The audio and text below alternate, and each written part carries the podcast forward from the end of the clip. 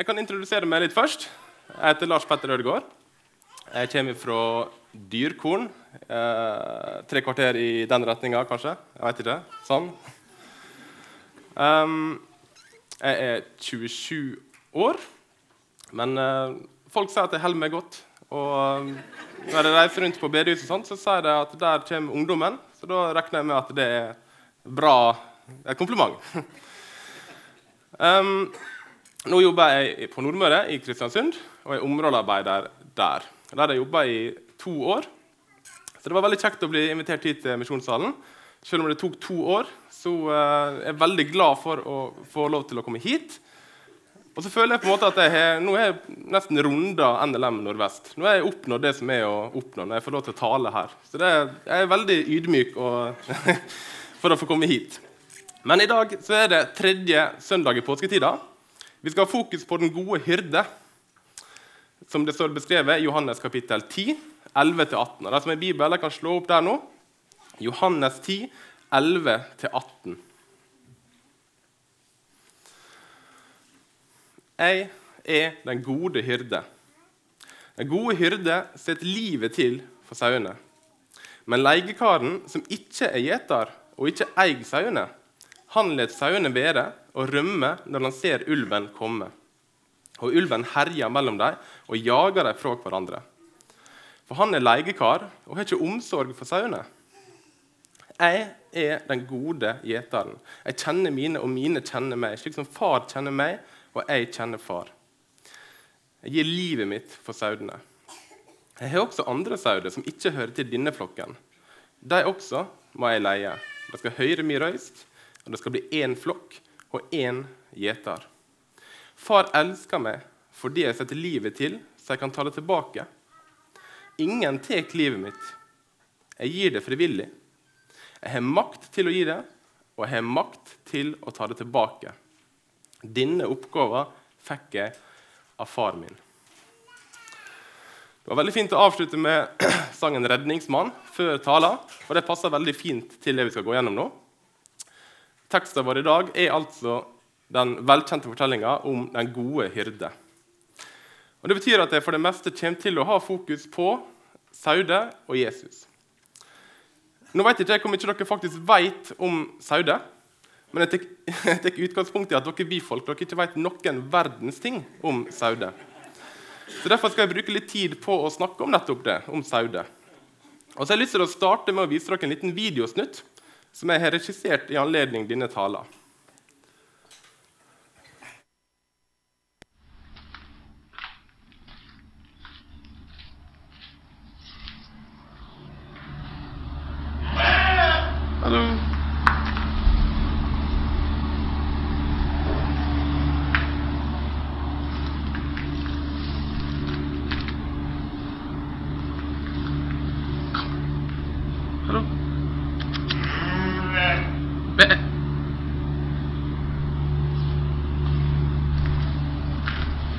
Nei.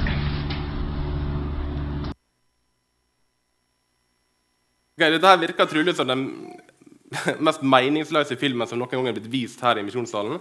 Og det er det sikkert, men det er faktisk en grunn til at jeg viste den til dere. Dette her det er saudene i fjøsen hjemme på Dyrkorn. Eh, jeg bor i Kristiansund, men jeg besøker dyr, Dyrkorn noen ganger i året. Eh, men jeg er sjelden inne i fjøsen. Det er pappas oppgave. Det vil si at vi har ikke noe spesielt nært forhold, jeg og disse saudene der. Men jeg har likevel vokst opp med mange sauer rundt meg. Jeg hadde alltid lyst til å klappe dem når jeg var liten, og det har jeg fortsatt også for så vidt. Men de er redd meg, akkurat som det dere så i den filmen her. Jeg går rolig mot dem, bruker vennlig tonefall, men de rygger så langt bak i fjøsen som det går an. De vet ikke hvor de skal gjøre seg. De holder seg tett sammen også. Men som jeg hadde filma pappa i denne filmen, her, så hadde derimot reaksjonen vært en annen. Og det er det faktisk bare én grunn til, og det er at de stoler på pappa. De er trygge på pappa. Pappa er bonde. Han er deres bonde. Han ser dem flere ganger om dagen. Han mater dem, han gir dem husly, kost og losji. Han passer på dem hele året og steller dem. Og Samme skjer når de er ute på beite. Når jeg roper på dem og prøver å få det til meg, jeg er til og med med meg favorittmaten deres, men de kommer ikke. Med en gang pappa tar over, så kommer de springende mot han. Samme grunn. De kjenner pappa, og de er trygge på han. Jeg var alltid litt sånn snurt for det. da. Men det som er interessant er at forskere ved universitetet i Cambridge og det er et veldig bra universitet, de har funnet ut at sauene har en unik egenskap i forhold til mange andre dyr ved at de, de er skikkelig gode på ansiktsgjenkjennelse hos mennesker over lengre perioder med tid. Og de kan gjenkjenne mennesker ved lydene som vi mennesker lager. Så det vil si at de, de både ser og hører forskjell på meg og pappa. Og Det er ikke så rart at de er redd meg, som bor i Kristiansund, og de har aldri sett før. nesten. Men i Norge der er hyrde noe selv om, selv om, de stoler på pappa, så er hyrde noe annet enn det som han er. For han er en bonde. Det er noe litt annet enn det vi hører om i Bibelen. I juleevangeliet der hører vi om gjetere eller hyrder som er ute på natta og passer sauene. Det var ikke sånn at de hadde en fjøs eller at de hadde et beite der de styrte seg sjøl, eller, eller at hyrdene var slik som bøndene opererer i dag.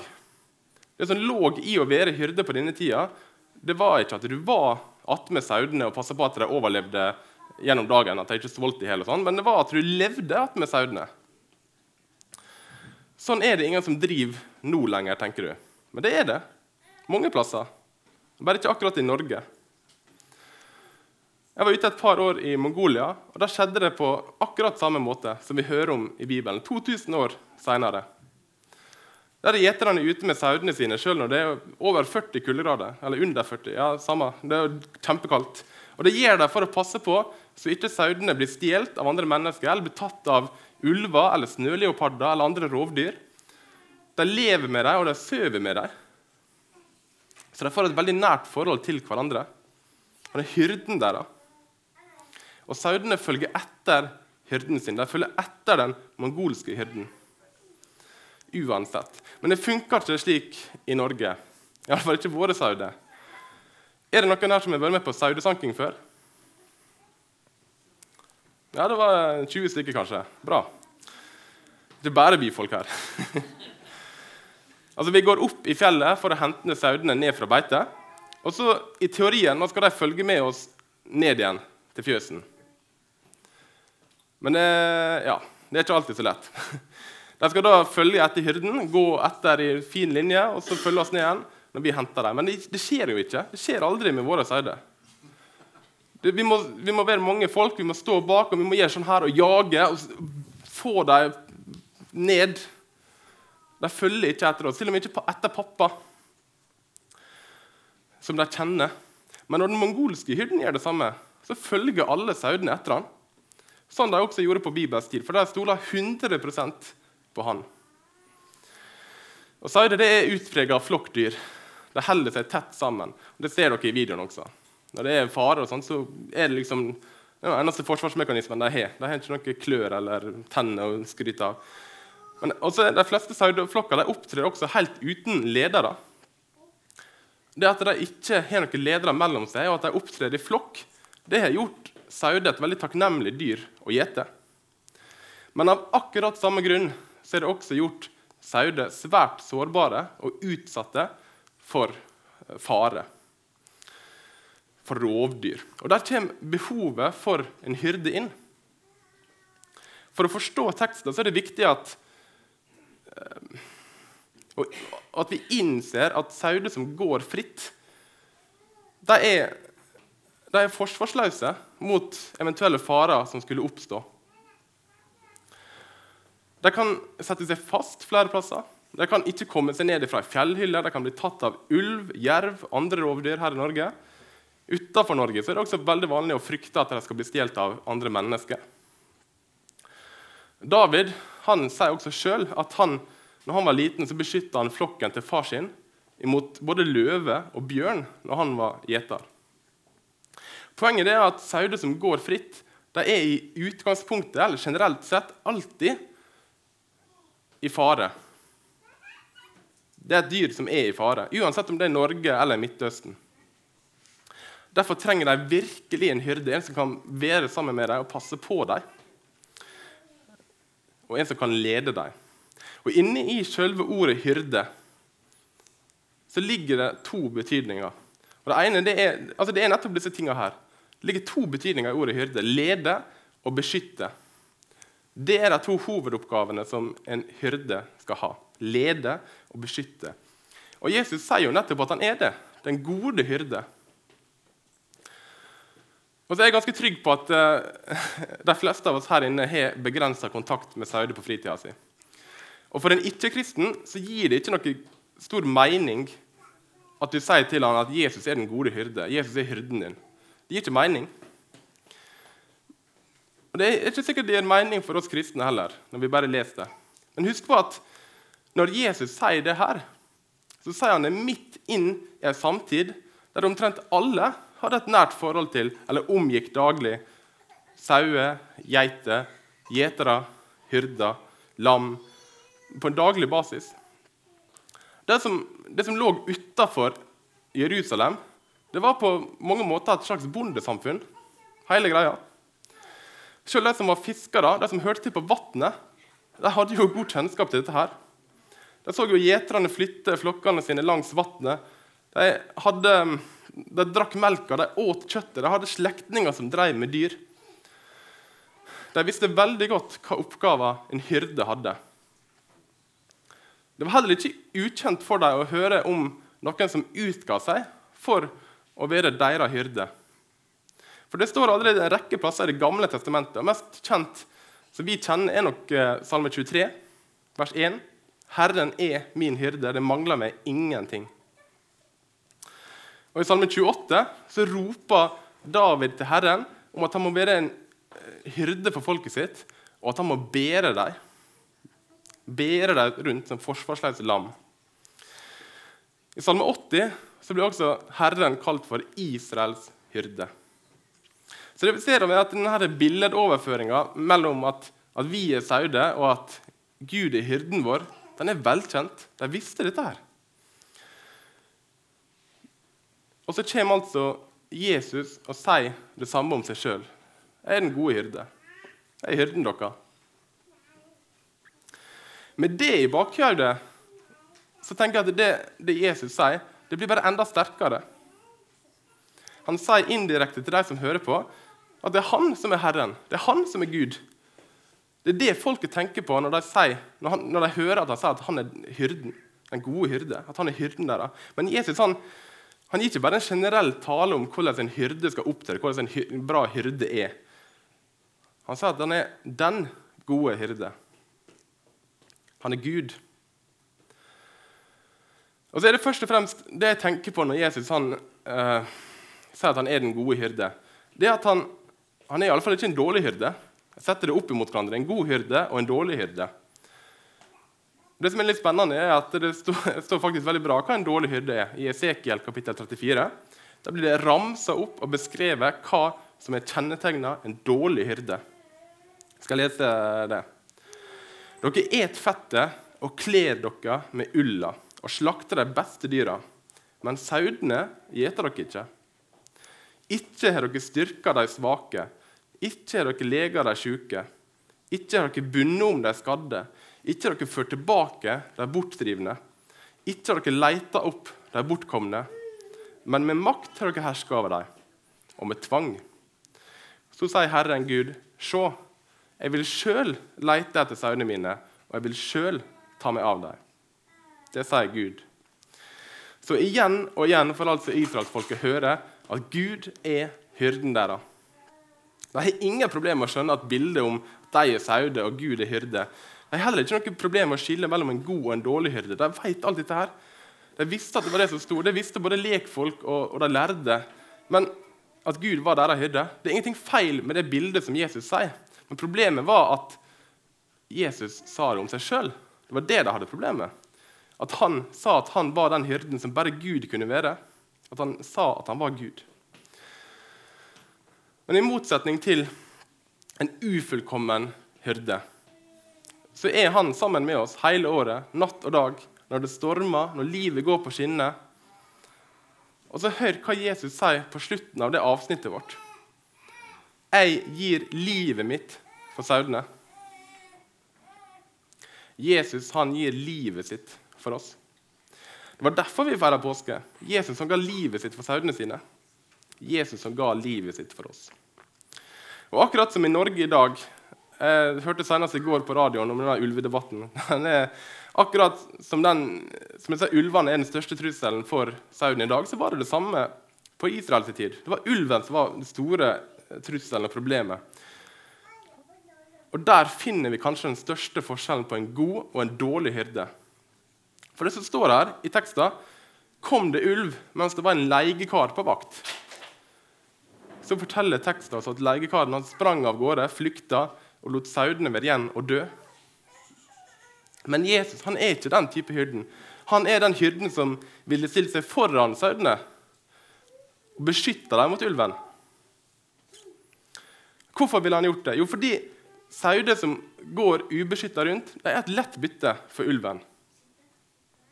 Men hvis hyrden er attmed sauene og stiller seg foran, så vil ikke ulven angripe. På samme måte så er det kanskje sånn i våre liv. Djevelen kan se på oss mennesker som et lett bytte. Men ser han Jesus stå der foran oss, så flykter han vekk. Han har ingenting å stille opp mot Jesus med. Absolutt ingenting. Så ulven må flykte ifra saueflokken. Men det er altså ikke sauene han frykter, men det er hyrden sitt nærvær. Og I teksten vår står det også en annen ting. Vi leser igjen. Jeg har også andre sauer som ikke hører til denne flokken. De også må jeg lede. De skal høre meg røyst, og det skal bli én flokk og én gjeter. Og Jesus han talte jo selvsagt denne likninga til israelsfolket, til jødene. Det var israelsfolket som også Gud snakka til når han sa at han var deres hyrde. Men her sier Jesus også at han har en annen flokk. Han har også andre sauer enn de som hører til Israelsflokken. Han har en hedningeflokk, den flokken som jeg og du tilhører. Han er også vår hyrde, og han sier at en dag da skal det bli én flokk og én gjeter. Jesus han er den gode hyrde for alle,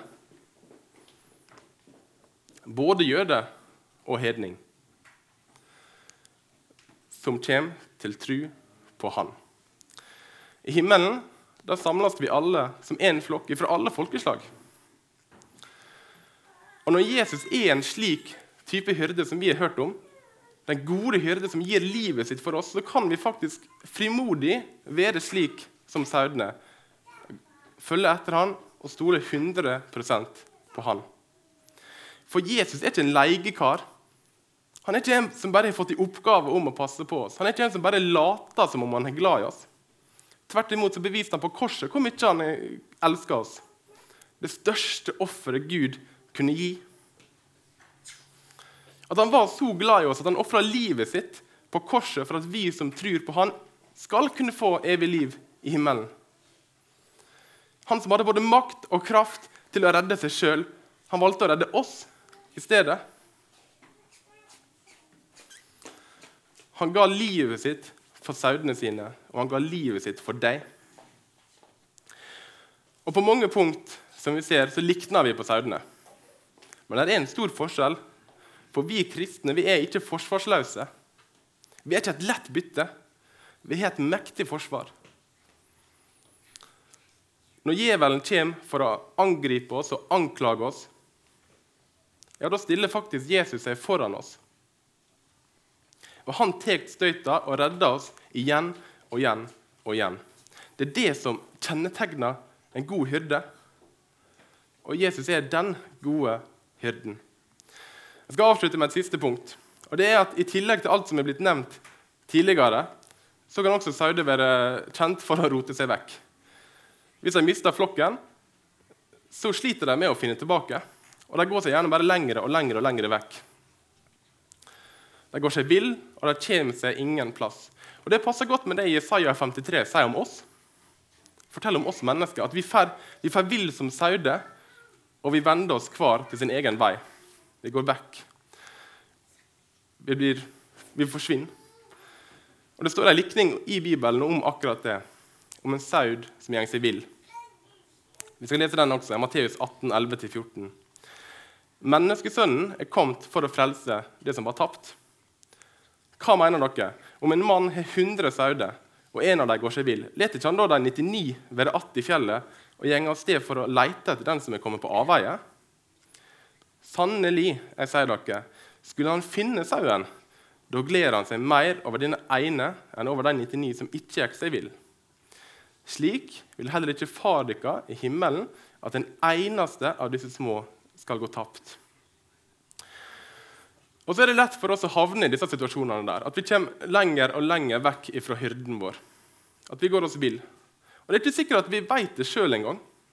Eller det kan være en helt bevisst handling. At vi ikke ønsker å ha noe med Jesus å gjøre. Og det er lov å ha det standpunktet. Det er lov å nekte å bli berga av han. Men du kan ikke nekte han å leite etter deg. For det vil han aldri gjøre. Han vil aldri gi deg opp, han vil aldri slutte å lete etter deg. Han vil aldri slutte å kalle på deg. Og Skulle du snu og bestemme deg for å følge han, så han lova deg én ting. Johannes 10, 27-28. Mine sauer hører min røyst. Jeg kjenner dem, og de følger meg. Og jeg gir dem evig liv.